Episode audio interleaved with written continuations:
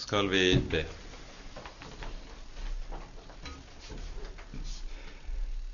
Kjære gode og trofaste Gud og Far. Så takker og lover vi deg at du på ny samler oss, samler oss om dine hellige ord, og at du, Herre, selv har lovet å møte oss i og ved ordet ditt.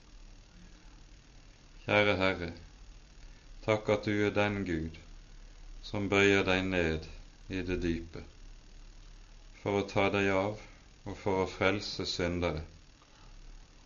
Herre, som du gjorde med Jakob, så steller du òg med oss. Og nå ber vi, Herre, at du vil forbarme deg over oss, og at du vil sende din Hellige Ånd, og la oss få lov til å se lys i ditt lys. Herre, kom. Det ber vi deg for ditt eget navns skyld. Amen.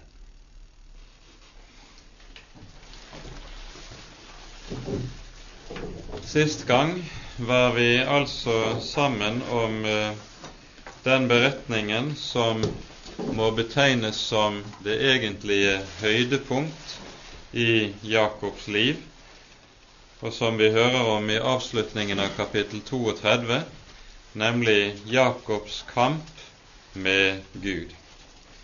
En beretning som har det med seg at den samler likesom alle trådene fra Jakobs liv i seg, her har vi ham, hele hans liv, hele hans liv med Gud og all hans kamp og nød samlet i én konsentrert sum.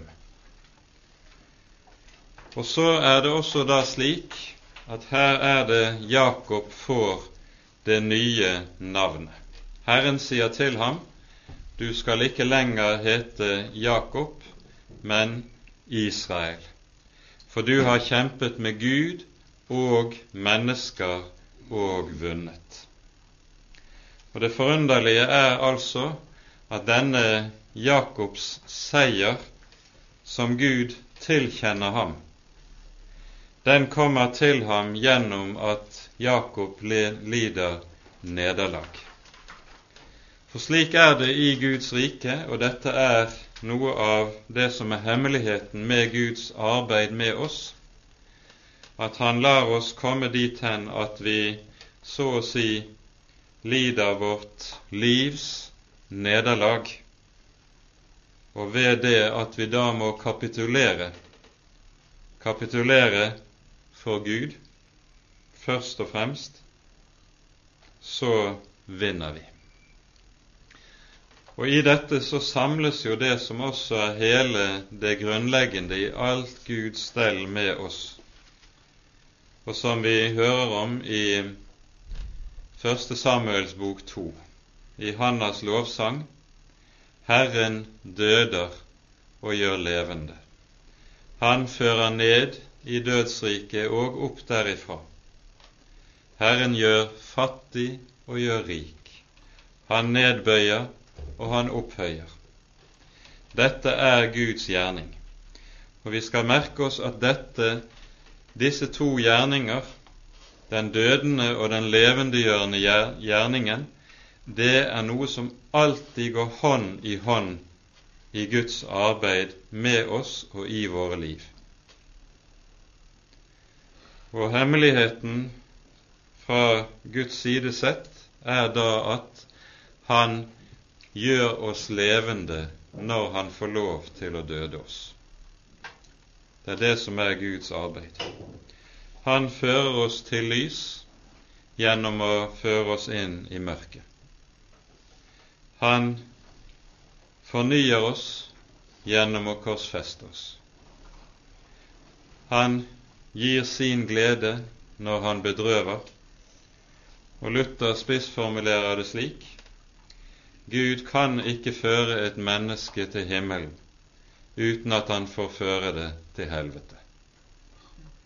Så skarpt er det formulert, og dette ser vi er Guds måte å stelle med mennesker gjennom hele Den hellige skrift.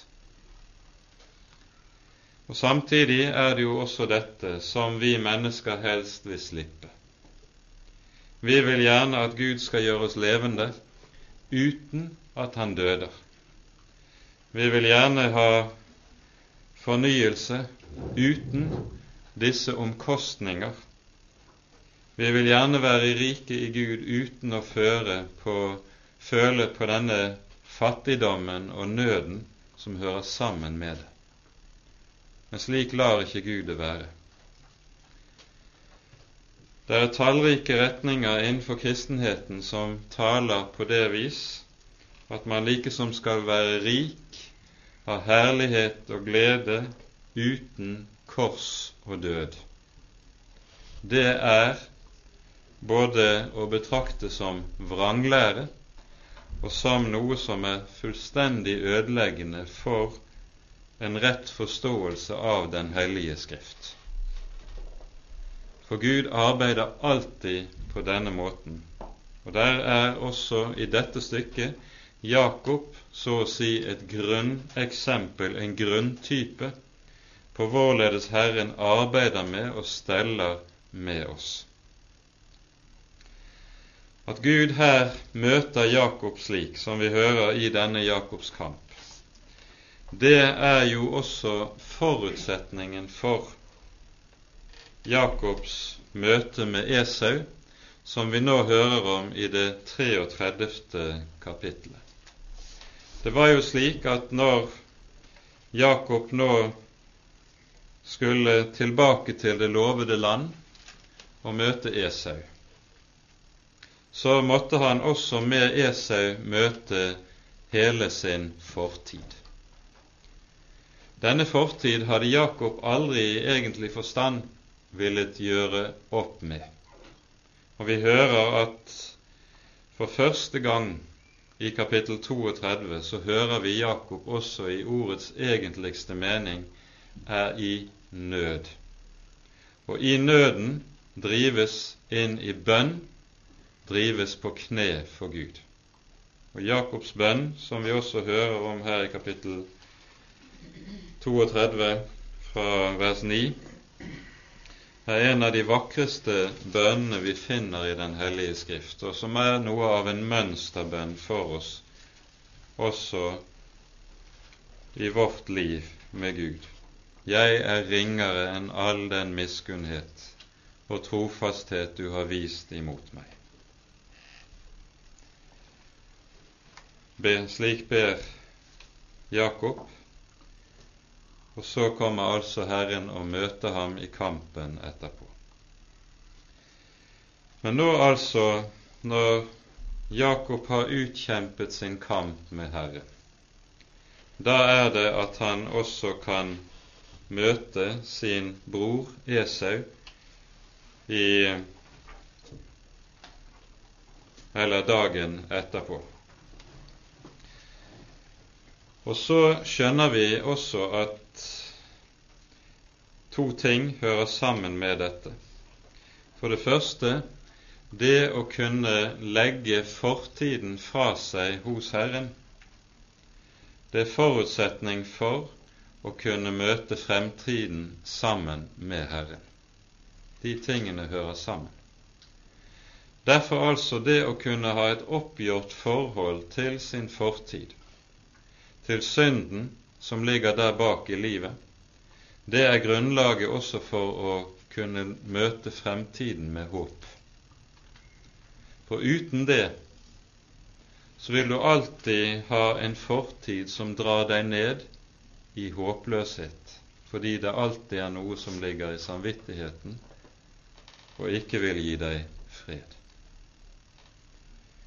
For det annet så skjønner vi også at i dette oppgjøret med Herren som Jakob har vært inne i denne natten, så ligger også gudsfryktens hemmelighet.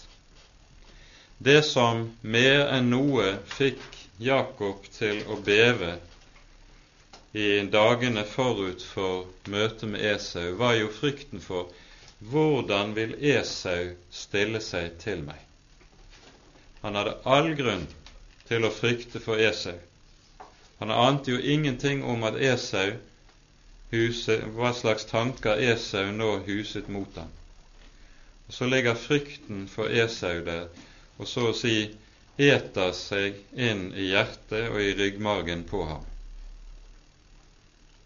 Men når Jakob nå rett har lært hva det er å frykte Herren, så blir frykten for mennesker borte. Og det skal vi merke oss. Det er en meget nær sammenheng mellom disse to ting.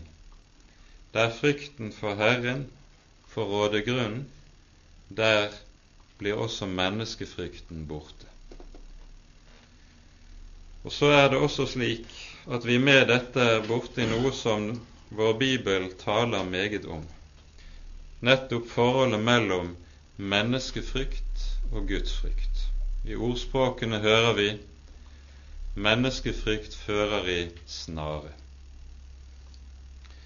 Og Jesus taler ganske så alvorlig om den sak i Matteusevangeliets tiende kapittel, vers som vi vel treng, trenger å merke oss. Her leser vi fra vers 28 i Matteus 10.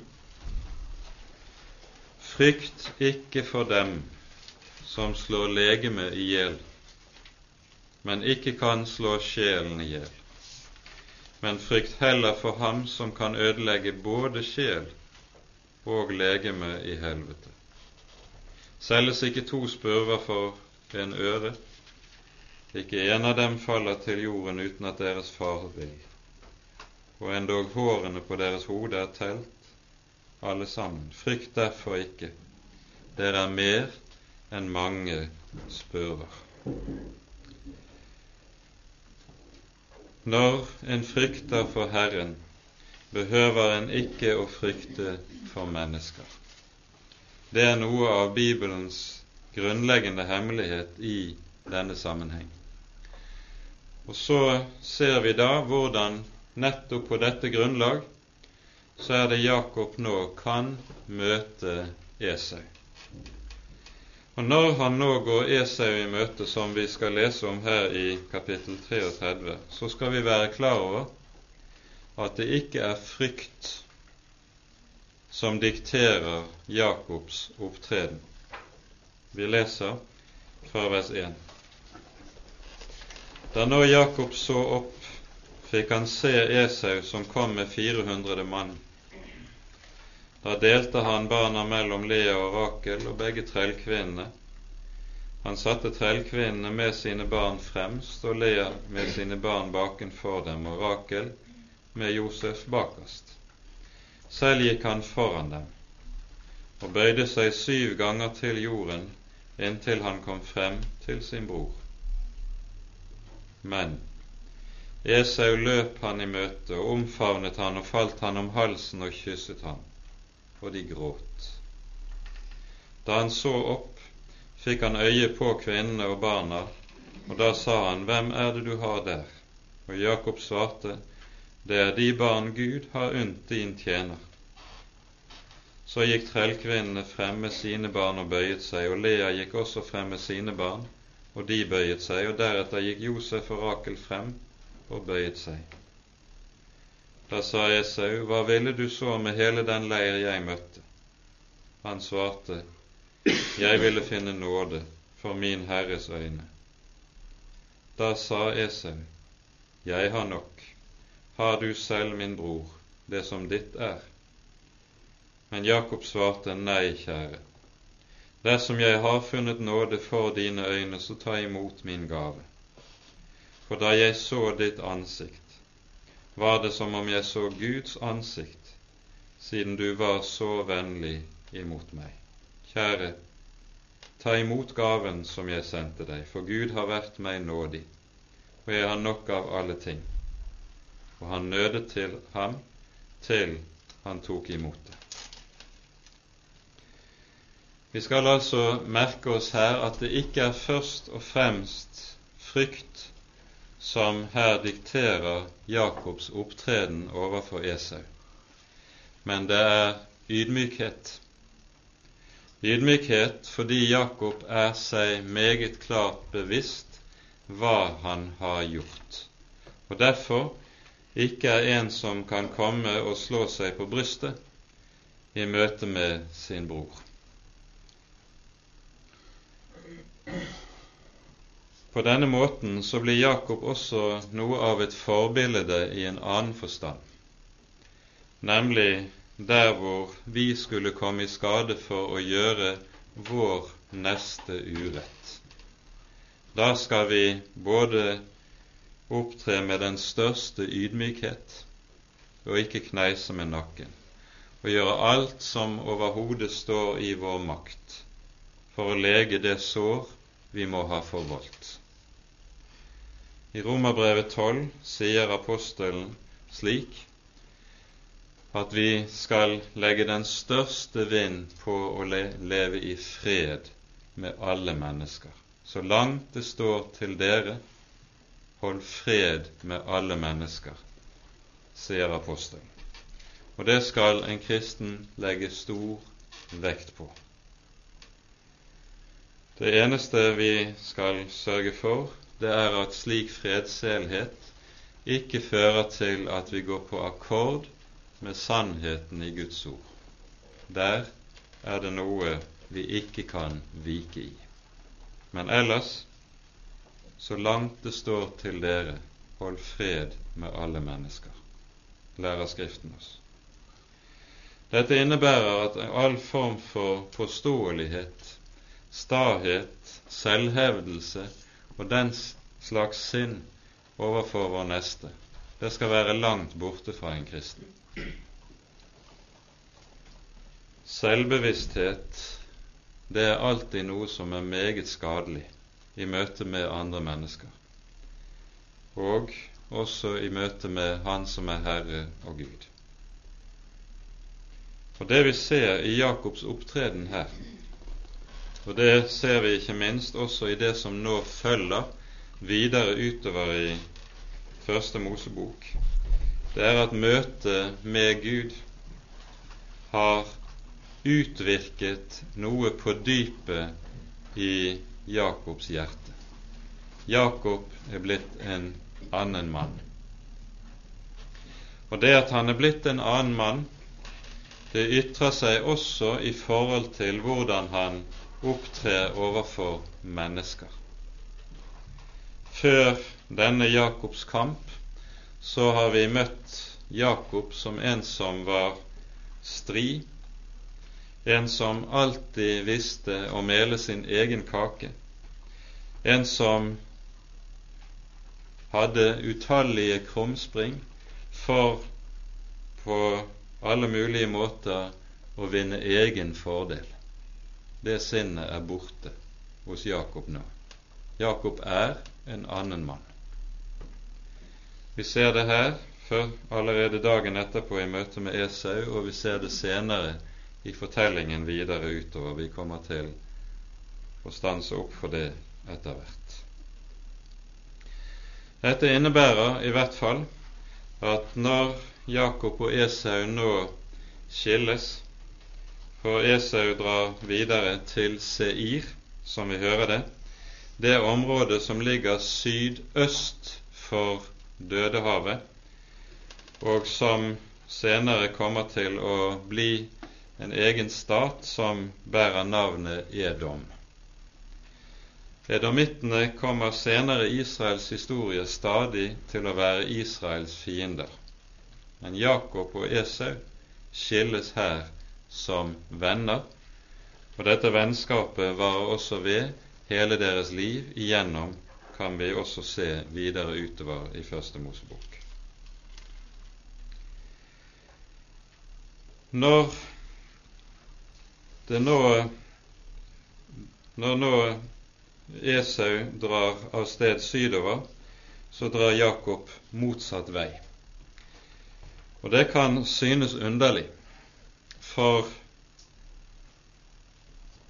Jakob hadde, før han dro bort fra Kanans land, og Herren åpenbarte seg for ham slik som vi hører det i Første Mosebok 28, gitt Herren et løfte. Det hører vi om i kapittel 28, der vi har denne fortellingen om Jakobs drøm. Stigen som står reist opp, og der Herren stiger ned til ham og gir ham løfte om Abrahams velsignelse og Abrahams arv. Det er Jakob som er arvingen. I slutten av dette avsnittet så gir også Herr Jakob Herren et løfte. Vi leser fra vers 20. Jakob gjorde Gud et løfte og sa:" Dersom Gud vil være med meg og bevare meg på denne min ferd, og gi meg brød og ete og klær og kle meg med, og jeg kommer vel hjem igjen til min fars hus, så skal Herren være min Gud. Og denne stein som jeg her har reist opp som minnestein, skal være meg et Guds hus, og av alt det du gir meg, vil jeg gi deg tiende. En skulle da forvente at Jakob nå ville vende seg til Betel og dra dit for å oppfylle det han har lovet. Det gjør han ikke. I stedet drar han nordover og faktisk tilbake til østsiden av Jordanelven, til en plass som heter Sukkot, og kommer til å oppholde seg der gjennom lengre tid.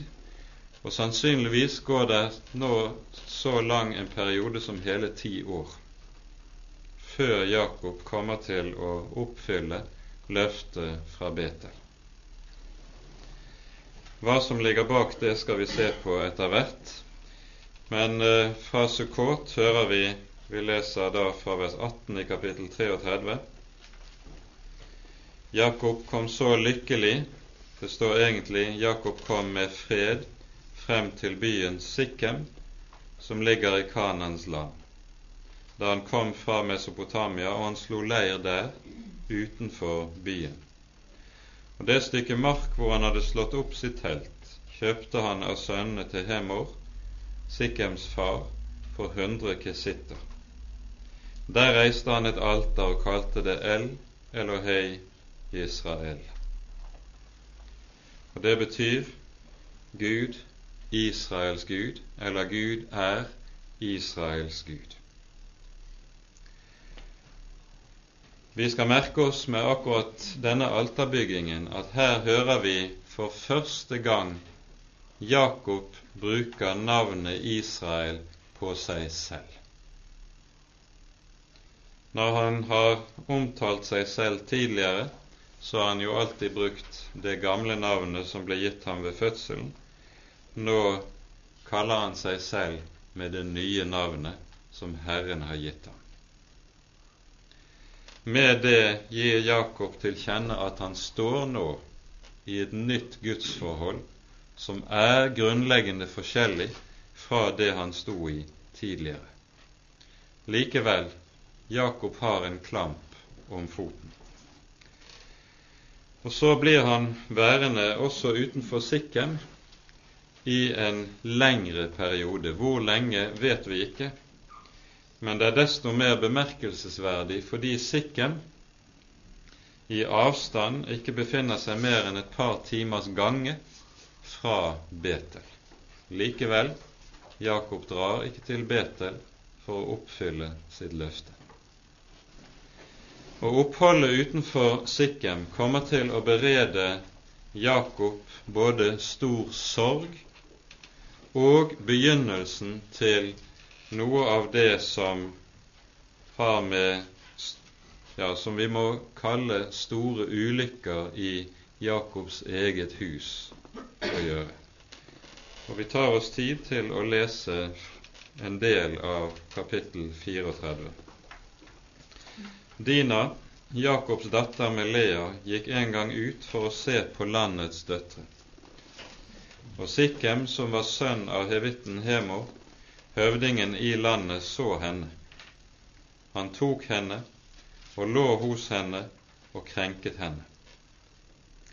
Men hans hjerte hang ved Dina, Jakobs datter, og han elsket piken og talte kjærlig til henne. Så sa Sikkem til Hemor sin far, La meg få denne pike til hustru. Jakob fikk høre at han hadde vanæret Dina, hans datter, men hans sønner var med buskapen ute på marken, og Jakob tidde med det til de kom hjem. Men Hemor, Sikkems far, gikk ut til Jakob for å tale med ham. Jakobs sønner kom hjem fra marken, og de fikk høre om dette. Og mennene gremmet seg og var harmfulle, for han hadde gjort en skammelig gjerning mot Israel ved å ligge hos Jakobs datter. Slikt burde ikke skje. Da talte Hemor med dem og sa:" Min sønn Sikkems hjerte henger ved deres datter. Kjære, La ham få henne til hustru og inngå svogerskap med oss. Gi oss deres døtre og ta dere våre døtre. Bli boende hos oss. Landet skal stå åpent for dere. Bo her og dra omkring og få dere eiendommer her. Og Sikkem sa til hennes far og hennes brødre, la meg finne nåde for deres øyne. Det dere krever av meg, vil jeg gi dere. Krev så meget som dere vil av meg i morgengave og andre gaver. Jeg skal gi dere det dere vil ha, la meg bare få piken til hustru. Da svarte Jakobs sønner, Sikkem og Hemor, hans far, med svikefulle ord, fordi han hadde vanæret deres søster Dina, og sa til dem, Det kan vi ikke gjøre, å gi vår søster til en mann som har forhud, det vil være en skam for oss. Bare på det vilkår vil vi være dere til vilje, at dere blir som vi, og alt mannskjønn hos dere lar seg omskjære. Da vil vi gi dere våre døtre og gifte oss med deres døtre, og bo hos dere, så vi blir ett folk. Men dersom dere ikke vil høre på oss og la dere omskjære, da tar vi vår søster og drar bort. Og de syntes godt om deres ord, både Hemor og Sikhem, Hemors sønn. Og den unge mannen dryget ikke med å gjøre dette, for han var glad i Jakobs datter, og han var den som hadde mest å si i sin fars hus. Så går det altså til at de lar seg omskjære, alle menn i byen Sikkem, og så hører vi på, fra vers 25. Men på den tredje dag da de var syke av sine sår. Da tok Jakobs to sønner, Simon og Levi, Dinas brødre, hver sitt sverd, og de kom uforvarende over byen og slo alt mannskjønn i hjel. Også Hemer og Sikkem, hans sønn, slo de i hjel med sverdets egg.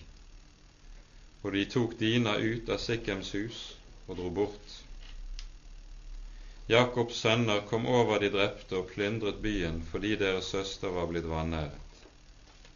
De tok deres småfe og storfe, deres asener, både det som var i byen og det som var på marken, og alt deres gods og all, alle deres barn og deres kvinner, og førte det bort som bytte, og alt annet som var i husene. Da sa Jakob til Simon og Levi, dere har gjort meg en stor sorg. Dere har ført meg i vanrykte hos landets innbyggere, kananitten og ferisittene. Jeg råder jo bare over en liten flokk, og samler de seg mot meg, kommer de til å slå meg i hjel, så både jeg og mitt hus går til grunne. Men de svarte, skulle han da få gjøre med vår søster som med en skjøge? Dette er jo en uhyggelig historie. Og slik er det Skriften forteller om det som er av synd og elendighet i Guds folks liv, uten å pynte på noen ting. Noe av det første vi ser i dette, det er jo Jakobs sønner, hvordan de opptrer. Det er helt åpenbart at i dem så finner vi noe av Jakobs eget sinn går igjen. Jakob hadde vært en mann som visste hva list var, visste å bruke list overfor andre mennesker. Her ser vi sønnene hans benytte seg av akkurat det samme. Og om Jakob nå er bøyet av Gud, så er det som skjedde med Jakob, slett ikke preget hans sønner. Og så ser vi både sviket deres overfor Sikkems innbyggere og villskapen og volden, blodsutgytelsen, som kommer i fotsporene på dette. Det er en fryktelig historie. Det andre som vi kanskje også skal merke oss i det som her sies, det er hva som sies om Dina. Hun går ut for å se til landets døtre. Etter Guds vilje var det jo slik at det skulle være et skille mellom Jakob og kananittene. Utover i Første Mosebok ser vi nå hvordan Jakobs barn gradvis bryter ned denne skillelinjen som skulle være mellom kananitter og de som var Abrahams og Isaks etterkommere. Og Noe av denne nedbryting av skillelinjen finner vi hos Dina. Hun ville se til landets døtre, hører vi. Antagelig har det vært slik at det har vært en innhøstningshøytid, kanskje det druehøsten, som nå er der, og i anledning slike innhøstninger så var det vanlig også med folkefester i disse områdene. Og som mang en ung jente, hvis den bibelske kronologien eh, er nøyaktig i eh, angivelsene her, så er hun ca. en 16-17 år gammel og da, er da en tenåring som har lyst til å komme ut og eh, ha det moro sammen med de øvrige. Og så ser vi også i dette noe av det som er et problem som kristne foreldre alltid har hatt i forholdet til tenåringsbarn når de vokser opp. Hvor skal en sette grensen?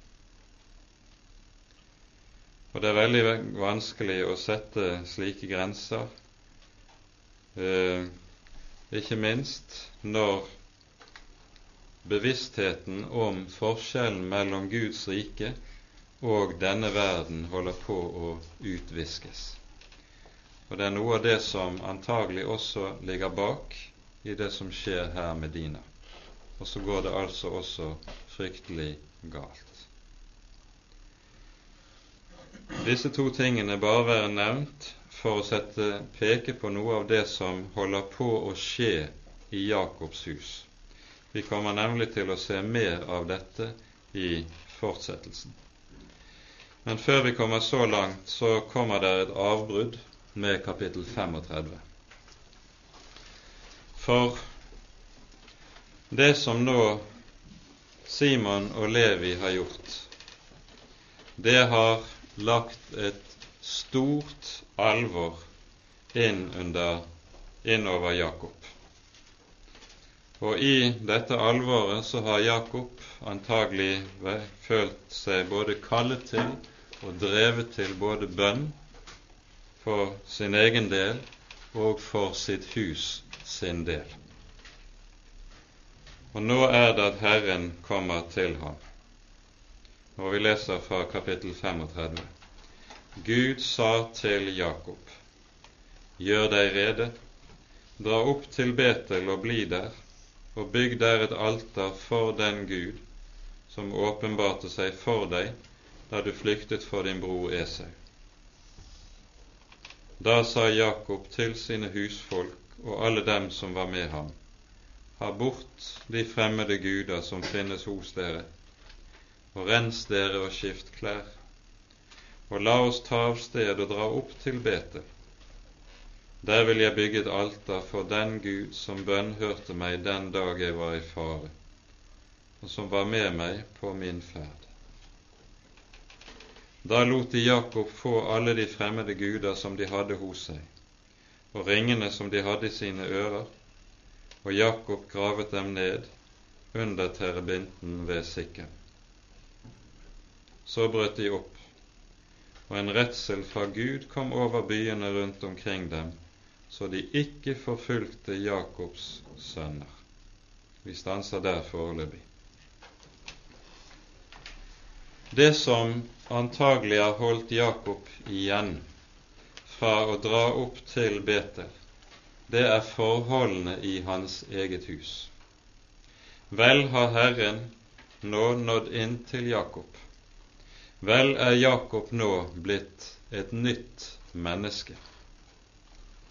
Men det er så meget som foregår i hans eget hus.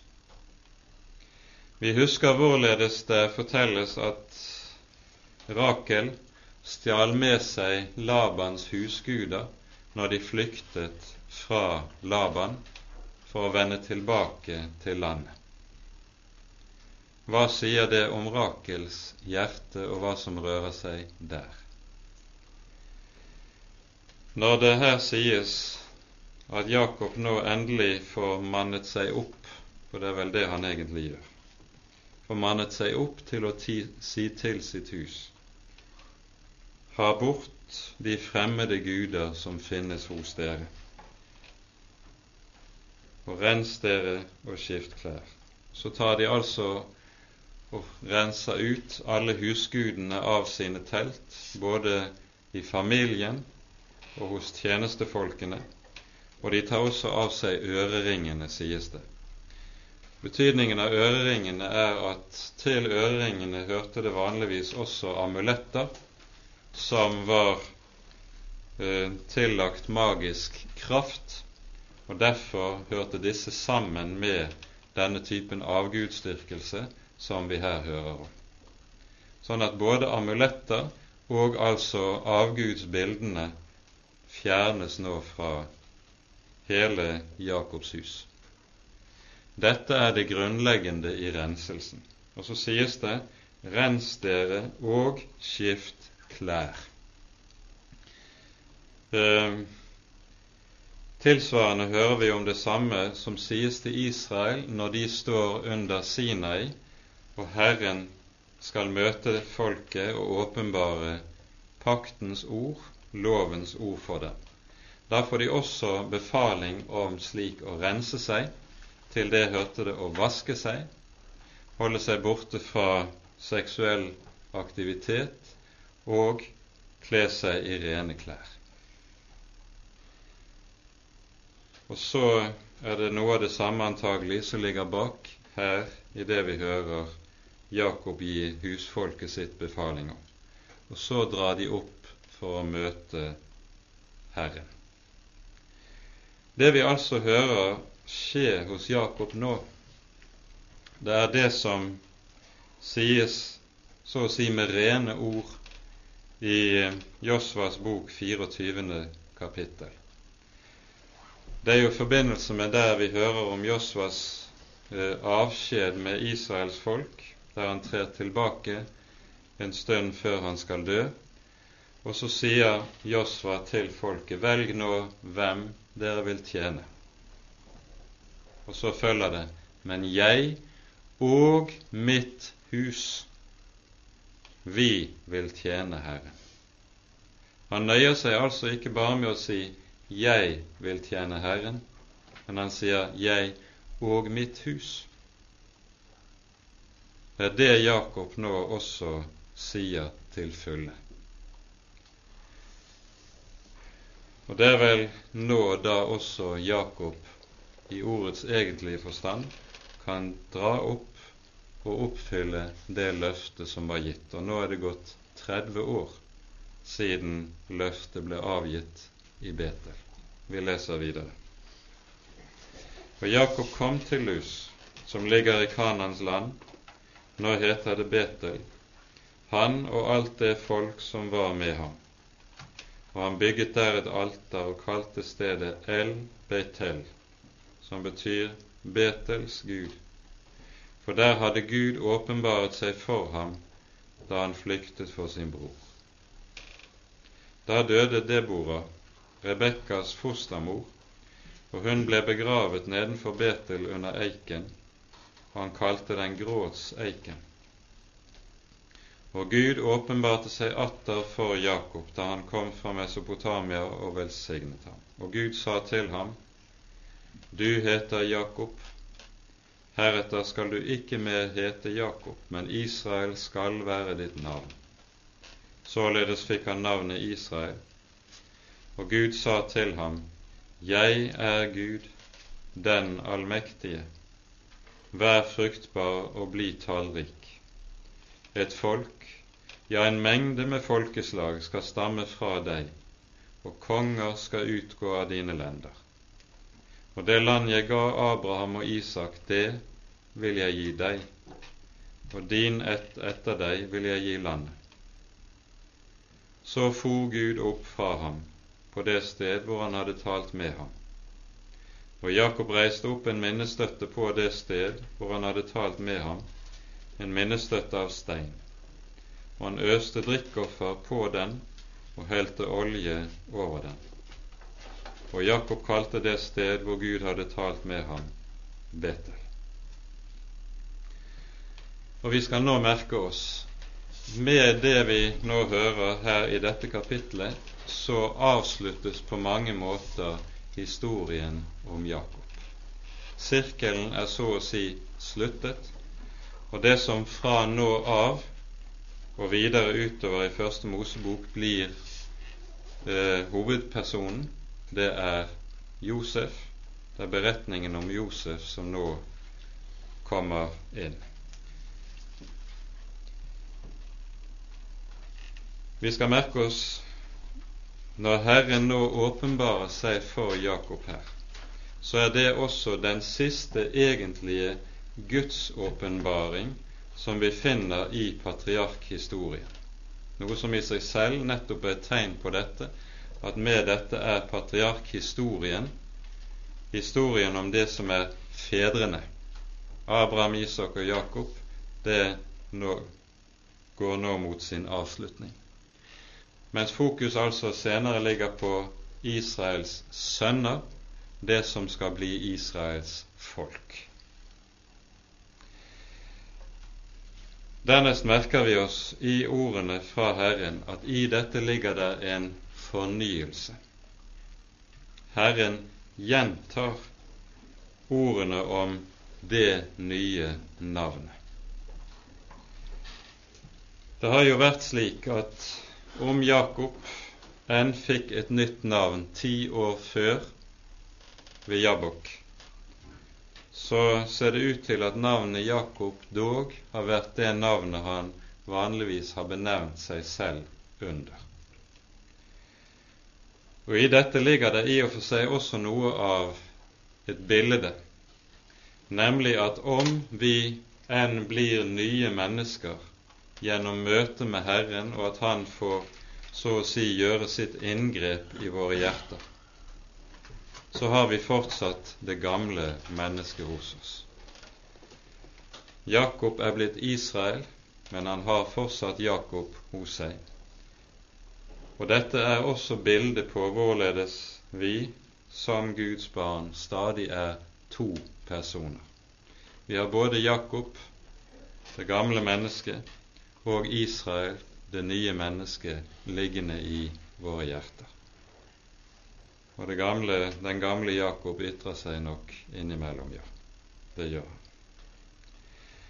Og kanskje har det vært slik for Jakob nå at han i særlig grad trenger at Herren kommer til ham og fornyer sitt ord og sitt løfte for ham. Det har skjedd så mye som har trykt Jakob ned i motløshet, i motløshet på grunn av det som har skjedd i hans eget hus at han trenger at Herren kommer med en slik fornyelse og påminnelse av sitt løfte. For det skal vi legge merke til, at når Gud på denne måten så å si gjentar seg selv, så er det aldri tilfeldig. Men slik gjentagelse tjener til stadfestelse. En stadfestelse i troen som nettopp er noe som vi trenger på grunn av det som vi møter av synd og nød og urenhet både i vårt eget liv og hjerte og ifra omgivelsene omkring oss. Slik hører vi altså at Herren i sin trofasthet nå kommer til Jakob og fornyer ham. Fornyer ham i sitt løfte og i sitt ord. Og Så kommer altså løftet om som er løftet til Abraham, som gjentas. I det løftet skal vi bare merke oss én sak, som ikke kommer frem i våre bibeloversettelser, men som står altså i vers 11. Det sies:" Jeg er Gud den allmektige, vær fruktbar og bli tallrik. Et folk, ja, en mengde med folkeslag skal stamme fra deg. Bokstavelig står det i grunnteksten et folk, ja, en menighet av folkeslag skal stamme fra deg. Her brukes for første gang i Det gamle testamentet begrepet for menighet. Og det er ikke tilfeldig, fordi det er jo i Jakob og i Jakobs sønner vi nå ser spiren på det som skal bli det egentlige Guds folket, og som er Herrens menighet.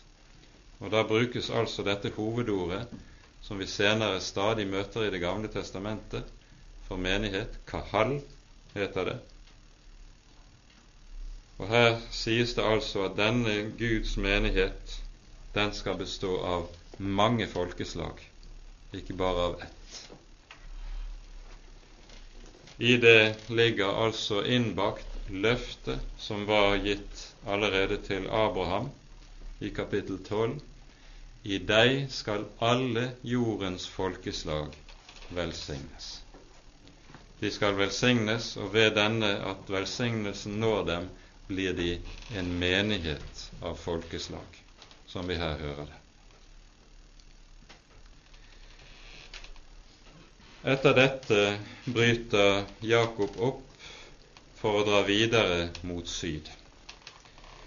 Og Målet hans er å besøke sin far Isak, som fortsatt lever, som bor i Kiryat Arba, som er Hebron. Og på veien nedover dit så dør hans elskede Rakel. Hun dør i barnsnød, og vi leser fra vers 16. Så brøt de opp fra Betel da det enda var et stykke vei igjen til Efrat, det er det gamle navnet på Betlehem, fødte Rakel, og hun hadde en hårfødsel. Og under hennes hårde sa jordmoren til henne, frykt ikke, for også denne gang får du en sønn. Men i det samme hun oppga ånden, for hun måtte dø, kalte hun ham Benoni, som betyr smertens sønn men hans far kalte ham Benjamin, som betyr min høyre hånds sønn, eller min lykkes sønn. Det kan oversettes på begge måter. Så døde Rakel, og hun ble begravet på veien til Efrat, det er Betlehem, og Jakob reiste opp en minnestein på hennes grav. Det er Rakels gravstein, den står der den dag i dag. Og stedet heter Rama. Stedet Rama og Rakels gravstein der er omtalt en rekke steder, steder senere hen i Det gamle testamentet, og er en viktig minnestein som var vel kjent for folket gjennom, oppover gjennom generasjonene. Men det underlige er altså at Jakob kaller sønnen Benjamin, lykkens sønn, min høyre hånds sønn. Kanskje ligger det i dette at han vil si noe om det som har skjedd nå i Betel. Han er på ny blitt minnet om løftet. Løftet om det som ligger foran, som han altså ennå ikke får ta i eie. Han er eier av Abrahams løfte. Han er altså eier av et håp om noe som enda ligger langt inn i fremtiden. Jakob blir med andre ord i økende grad en som har øynene vendt mot det som ikke sees, som har øynene vendt bort fra livet i denne verden. Han er blitt en pilegrim, slik Skriften taler om det i Hebreabrevets ellevte kapittel. Og så kan det da bli slik at de navnet på Benjamin taler Jakobs håp midt inn i tapet av Rakel, som han hadde så kjær. Det skal vi være oppmerksom på.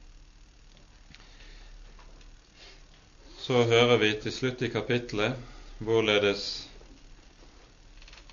Jakob kommer til Isak, og vi leser Jakob kom til sin far Isak i Mamre ved Kiryat Arba, det er Hebron hvor Abraham og Isak hadde bodd som fremmede. Og Isaks dager ble 180 år.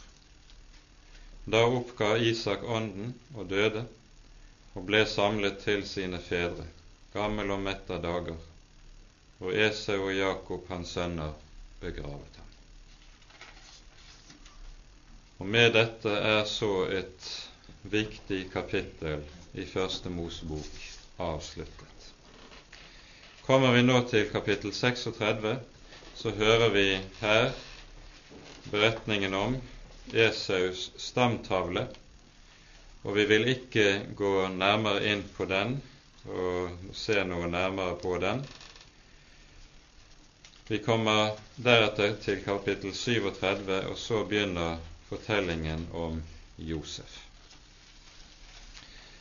Eh, når vi her hører fortellingen om Josef, og skal bare ganske kort se på et par saker i den forbindelse, så skal vi være oppmerksom på at det som nå skjer med at Josef, som vi husker det fra søndagsskolefortellingene, selges av sine brødre og blir trell i Egypt det er jo forberedelsen til at hele Jakobs hus, alle Jakobs brødre, til slutt kommer til Egypt.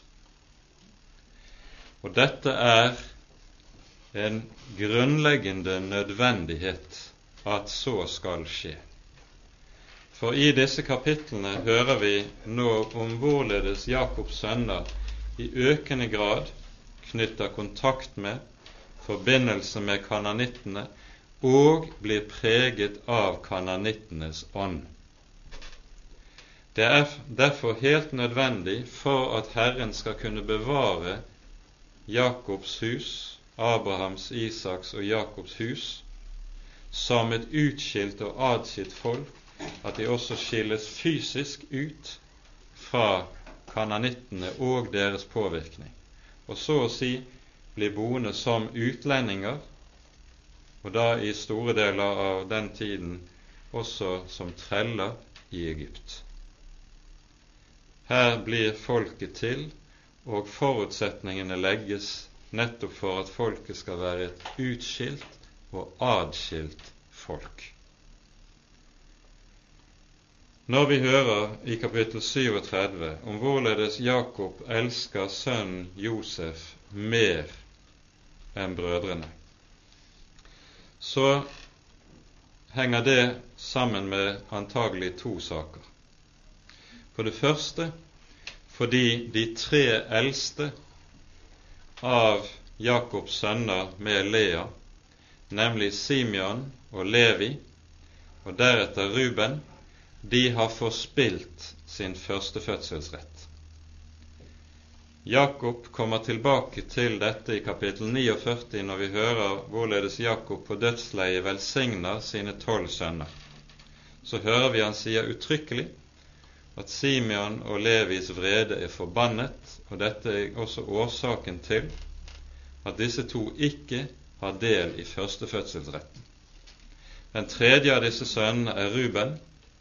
Han mister også førstefødselsretten og det hører vi skjer i sammenheng med at det fortelles i kapittel 35 i vers 22 mens Israel bodde der i landet, hendte det at Ruben gikk av sted og lå hos Bilha, sin fars medhustru, og Israel fikk høre om det. Ruben begår altså blodskam med sin fars medhustru, og slik taper også han førstefødselsretten. Men det vi ser i dette, det er hvordan kananittenes ånd nå holder på å trenge inn i Jakobs hus. Det er sannelig nødvendig at Jakobs hus skilles ut fra Kanaan. Noe av det samme kommer også for dagen i det vi hører i kapittel 38. Ehm, men før vi går dit, så skal vi merke oss at også det, denne Jakobs forkjærlighet til Josef har en annen grunn, og den er kjødelig. Det er jo ofte slik at foreldre, når de har en barneflokk, så er det enkelte barn man får en særlig forkjærlighet for. Men å vise det så tydelig som Jakob gjør overfor brødrene, det kan ikke få andre konsekvenser enn det de jo selvfølgelig fikk i Jakobs hus. Det irrer Jakobs brødre, Josefs brødre til misunnelse, ja, det irrer dem til stadig voksende hat. Det blir tydelig for dem at Jakob har tiltenkt Josef til å være arving til førstefødselsretten, noe de syns er dypt urettferdig. Og når Jakob i tillegg legger denne sin forkjærlighet så sterkt og klart for, åpenbart for dagen som han gjør, så kan ikke det føre til annet enn kiv, misunnelse, hat og strid brødrene imellom. Jakob opptrer meget uklokt. Vi skal ikke bruke mye tid på det i dag, men kort se på noe av det som vi hører i kapittel 38. For her hører vi om hvorledes den som kanskje var den fremste av Jakobs sønner, Juda, nettopp sterkere kanskje enn sine brødre, også preges av Kanans, av kananittenes ånd. Vi leser eh, Vi kan ikke lese hele kapittelet, men noen korte avsnitt må vi lese. På denne tid dro Juda ned fra det sted hans brødre bodde, og han tok inn til en mann i Adullam som heter Hira. Der så Juda datteren til en kananittisk mann som heter Sua, og han tok henne til hustru og gikk inn til henne. Han ble fruktsommelig og fødte en sønn og kalte ham Er. Så ble hun atter fruktsommelig og fødte en sønn, hun kalte han Onan. Siden fødte hun ennå en sønn og kalte ham Sela. Og så tok Juda en hustru til Er, sin førstefødte sønn, hun heter Tamar. Men er Judas førstefødte mishaget Herren, og Herren lot ham dø.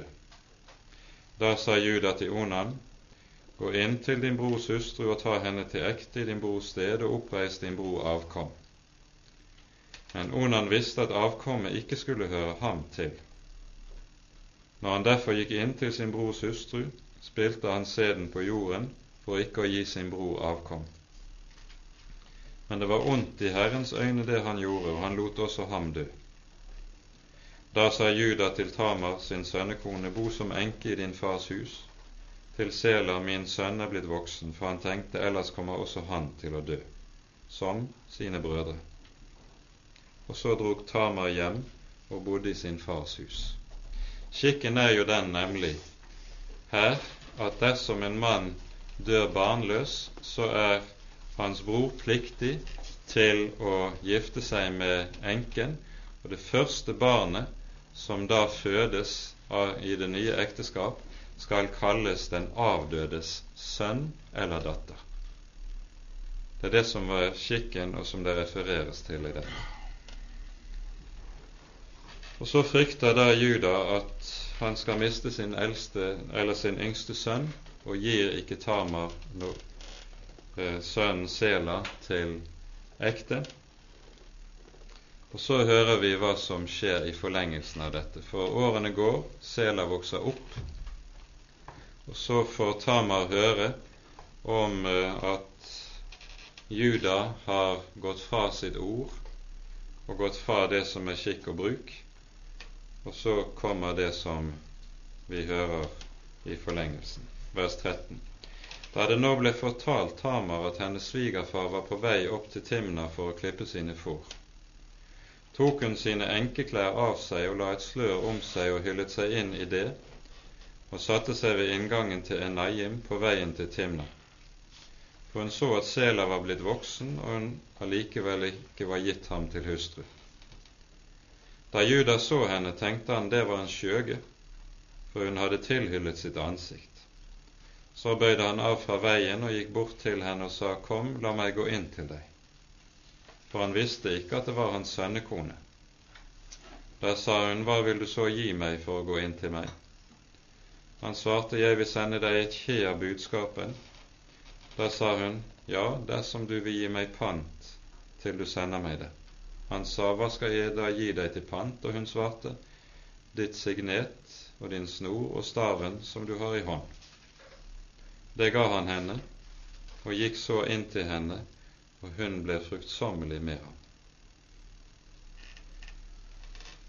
Ja, dette er Kanans sinn, som nå mer og mer tydelig viser seg i Jakobs hus.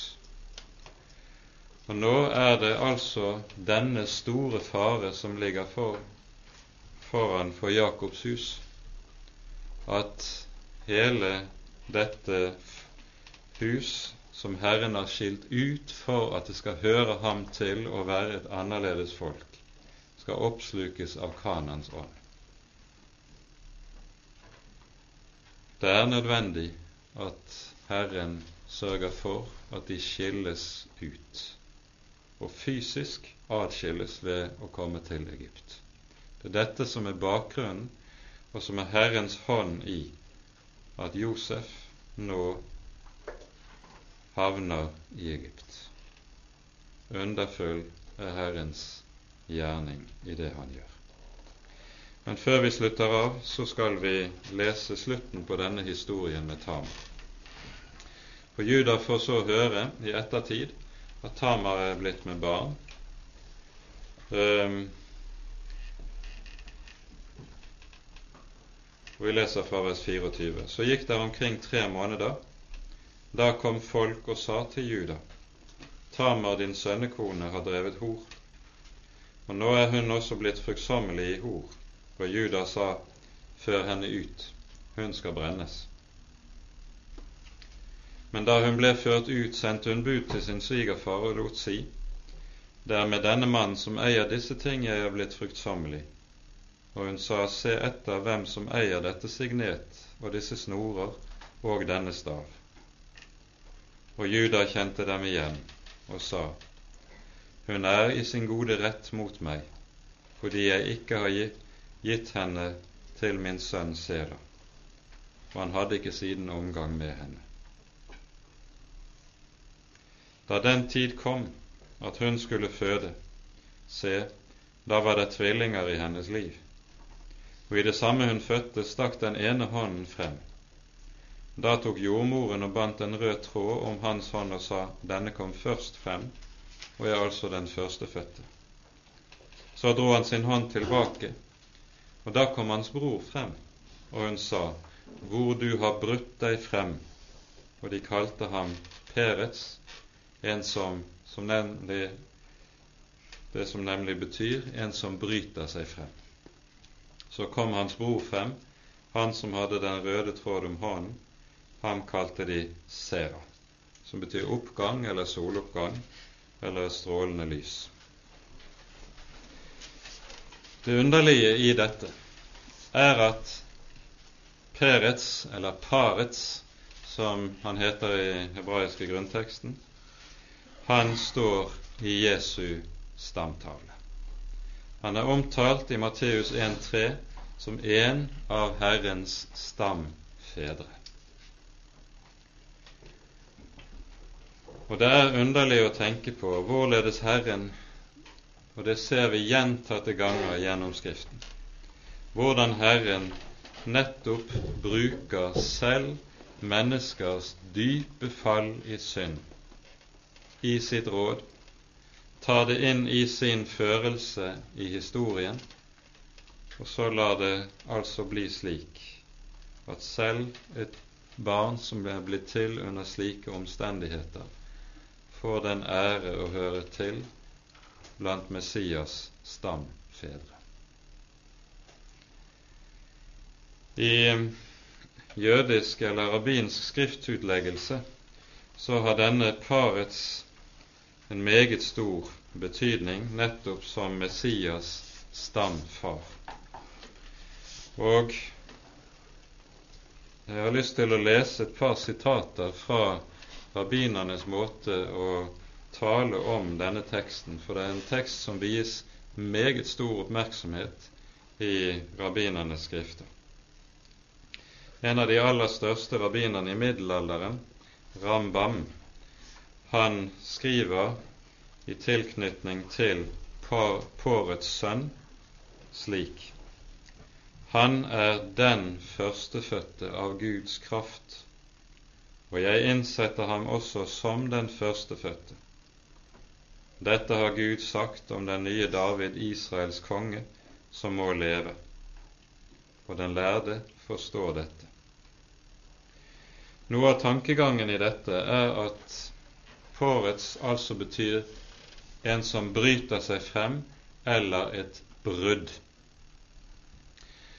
Og Da er det en annen viktig tekst som dras inn av rabbinerne, nemlig Mika bok, kapittel 2. Som også er en profeti om hvorledes Herren vil utfri sitt folk i endens tid. Og Her gis Messias navnet nettopp Porets, og det står slik i vers 13. Veibryteren, pårets, går foran dem. De bryter igjennom og drar frem gjennom porten og går ut av den.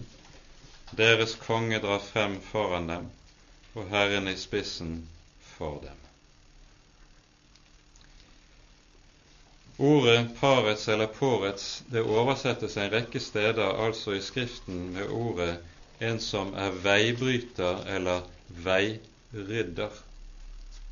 Og da vil noen av dere som i hvert fall var i kirken på søndag, huske hvordan vi pekte på ordet i Jesaja 35 som en veldig viktig profeti om den kommende Messias, nemlig løftet om at det skal være en ryddet vei, og den skal kalles Den hellige vei, og den hører hans folk til.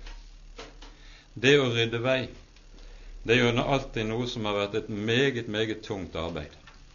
Det gjør seg ikke selv. Og når Messias kalles altså veirydderen, pårets i rabbinsk tradisjon, så refererer det til dette. Og det er denne tankekretsen som Jesus slutter til når han taler om seg selv som veien. Han er den som er den ryddede vei. Det er ryddet vei i ham. I tilknytning til dette så sier den store kommentaren til Første Mosebok fra de første århundrene, og som vi har fra de rabbinske lærde, slik På grunn av syndefallet er det en kløft, en parets, mellom Gud, den hellige Gud, og menneskeheten inntil parets sønn kommer. Han skal bygge bro over kløften. Dere ser hvordan rabbinerne funderer over dette skriftordet. En annen av de fremste lærde innenfor jødedommen, som heter Rashi, han sier, og det er et uhyre bemerkelsesverdig ord, at når Messias, parets, kommer, da skal han bryte ned skillemuren. Og det, Dermed er vi inne i et veldig viktig eh, temaområde som vi møter i Efeserbrevet 2. For hva er skillemuren? Skillemuren, det er loven. Loven setter jo nettopp Den gammeltestamentlige lov er det som setter et skille mellom Israel og hedningefolkene.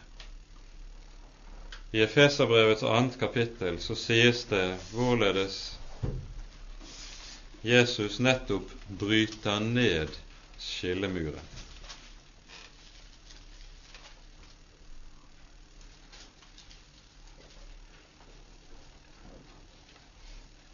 Vi leser fra vers 14 i Efesane 2. Han er vår fred, han som gjorde de to til ett og nedrev gjerdets skillemur, fiendskapet, idet han ved sitt kjød avskaffet den lov som kom med bud og forskrifter, for at han ved seg selv kunne skape de to til ett nytt menneske, og de to er jøder og hedninger til ett nytt menneske, til ett nytt Guds folk, i det han gjorde fred, og forlike dem begge i ett legeme med Gud ved korset, i det han på dette drepte fiendskapet. Skillemuren er revet ned, og han som heter Ben Poretz, er kommet. Det er underlig å legge merke til slike ting, for det kan kaste være med å kaste lys over og lukke opp noe av det som ligger i Skriften. Hos Mika hører vi altså noe av dette. En annen tekst i det vi har gått igjennom, vises det også til hos Mika. Og det er det vi hører i kapittel 35, vers 21. Så brøt Israel igjen opp og slo opp sitt telt bortenfor Migdal Eder. Hvorfor er Migdal Eder nevnt i dette verset? Det virker så uformidlet og unødig i denne sammenheng. Jo, de rabbinske lærde skriver om dette. Migdal Eder, det betyr rett og slett jordens eller saueflokkens tårn. Det er et vakttårn som hyrdene brukte til å holde vakt nettopp over saueflokkene sine, og det lå umiddelbart utenfor Betlehem. Rabbinerne skriver om dette før Kristi fødsel slik ved Migdal Eda skal Messias komme for første gang kunngjøres. Og så er vi inne i Lukas 2. Hvem er de første som får høre om barnet som er født? Det er hyrdene som ligger og holder nattevakt over sin jord på Betlehems marker, ute ved Migdal Eder. Slik kan vi undre oss og undre oss over at når dette så til de grader bokstavelig går i oppfyllelse i Jesu liv, likevel ikke blir trodd i det jødiske folk. Men det er altså sagt i deres egne skrifter. Med det tror jeg vi setter punktum for i dag. Og så vil vi neste gang gå inn i beretningen om Josef og se nærmere på ham. Ære være Faderen og Sønnen og Den hellige ånd, som var og er og være skal en sann Gud, høylovet i evighet. Amen.